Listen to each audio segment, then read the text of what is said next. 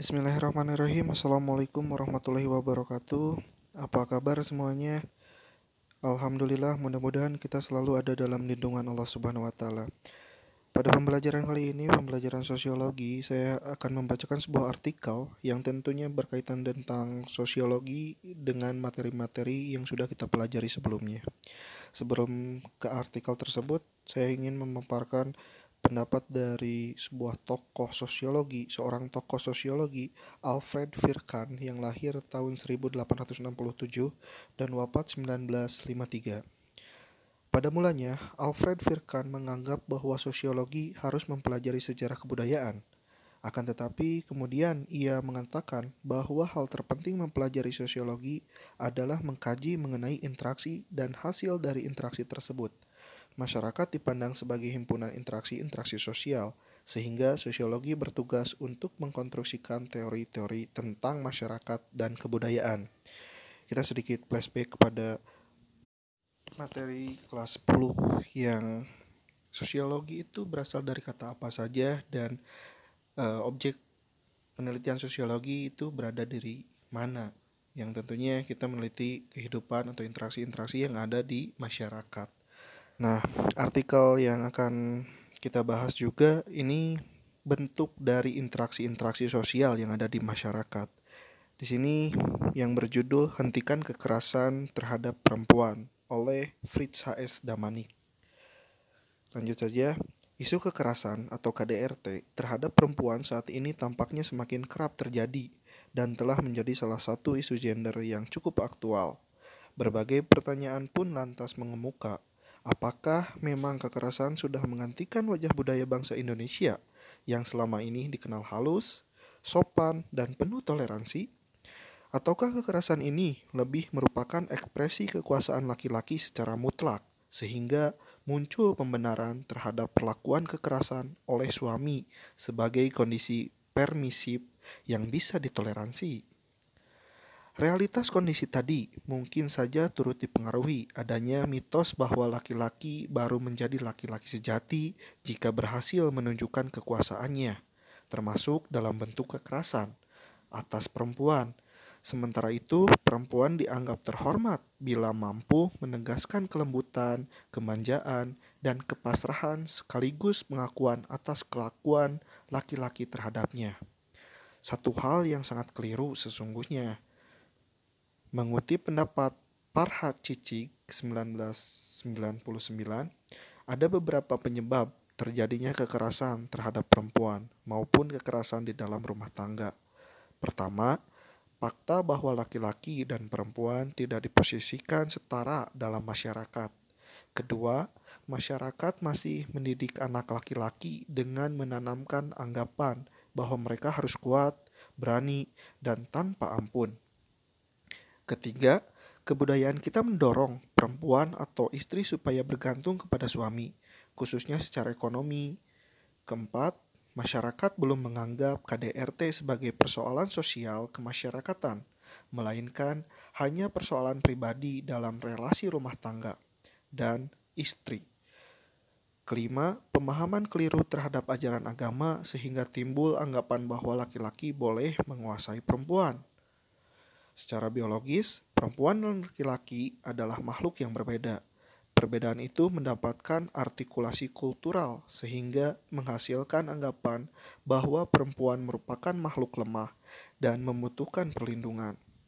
Kelemahan biologis perempuan secara dimanfaatkan oleh laki-laki di dalam hubungan yang tidak sehat dan ini sesungguhnya merupakan penegasan terhadap dominasi lelaki, suatu hubungan kekuasaan yang tersusun secara sosial Untungnya, isu KDRT yang selama ini menjadi wilayah yang sangat pribadi sedikit demi sedikit mulai terkuak. Pendirian sejumlah krisis center untuk permasalahan kekerasan menunjukkan kesadaran akan adanya fenomena kekerasan, sehingga harus ditangani secara tepat. Nilai-nilai yang dianut bahwa sebagai perempuan harus pasrah tidaklah bisa terus dipertahankan. Apalagi bertahan pada pendapat seperti disiksa itu wajar. Disiksa sudah menjadi nasib pantas disiksa karena tidak bisa memenuhi kemauan suami. Kondisi demikian sesungguhnya malah akan mempersulit penegasan KDRT. Padahal, landasan hukum bagi perlindungan terhadap perempuan dari segala bentuk kekerasan sebenarnya sudah tersedia, yakni Konvensi Penghapusan Segala Bentuk Diskriminasi Terhadap Perempuan 1979. Konvensi PBB tersebut telah diratifikasi oleh Indonesia dengan Undang-Undang Nomor 7 Tahun 1984 tentang pengesahan Konvensi Penghapusan Segala Bentuk Diskriminasi Terhadap Perempuan. Di dalamnya ditegaskan bahwa kekerasan terhadap perempuan sebagai kekerasan berbasis gender merupakan salah satu bentuk diskriminasi terhadap perempuan. Hanya saja, memang masih terdapat banyak kelemahan dalam implementasi maupun penegakan hukum, sehingga sebagian perempuan masih merasa kurang terlindungi.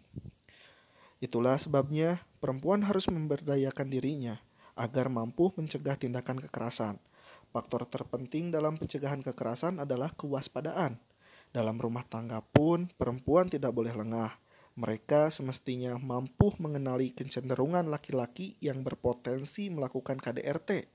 Misalnya sebagai berikut. Yang pertama, memiliki pengalaman kekerasan dalam keluarganya. Berasal dari keluarga di mana sosok ayah sangat dominan.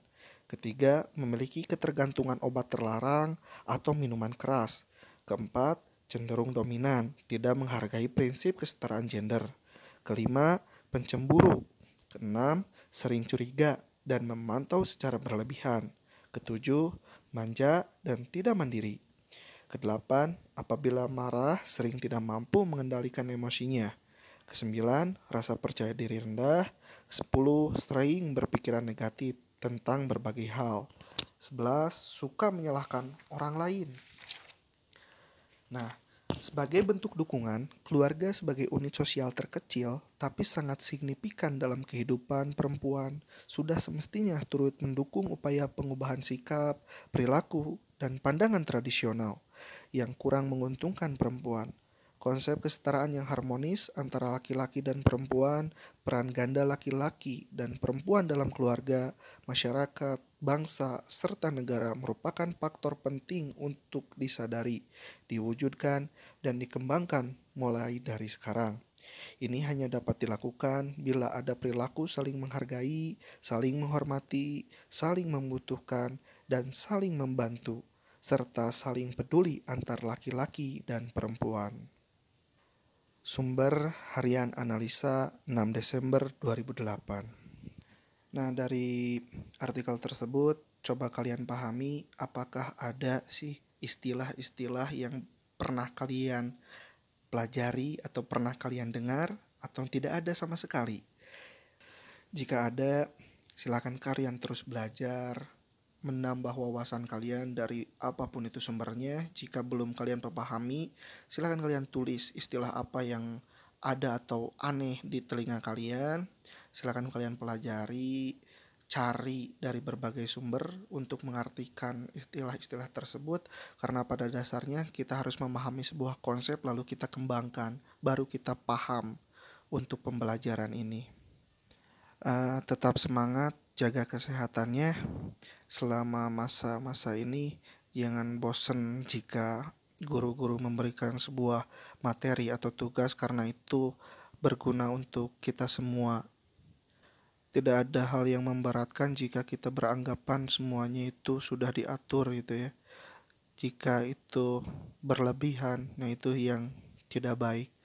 Kalian harus bisa membedakan mana memberatkan dan mana sikap malas karena itu hanya berbeda sedikit garisnya gitu malas dan alasan kalian untuk tidak belajar gitu. Karena untuk saya pun setiap hari adalah sebuah pembelajaran yang sangat berarti untuk kehidupan kita selanjutnya. Ini ada sebuah motivasi buat kalian semua yang bisa menjadikan semangat kalian tetap juara. Guru tetaplah menjadi guru dan murid bisa jadi jenderal. Silakan kalian pahami apa maksud dari kata-kata tersebut. Mudah-mudahan kalian bisa memahami dan mengaplikasikan menjadi sebuah semangat yang juara. Mudah-mudahan kalian menjadi sebuah jenderal-jenderal dalam bentuk apa pun itu dan menjadi pribadi yang lebih baik, sukses. Itu harapan saya kepada kalian semua. Jejak mula dari saya sekian. Assalamualaikum warahmatullahi wabarakatuh.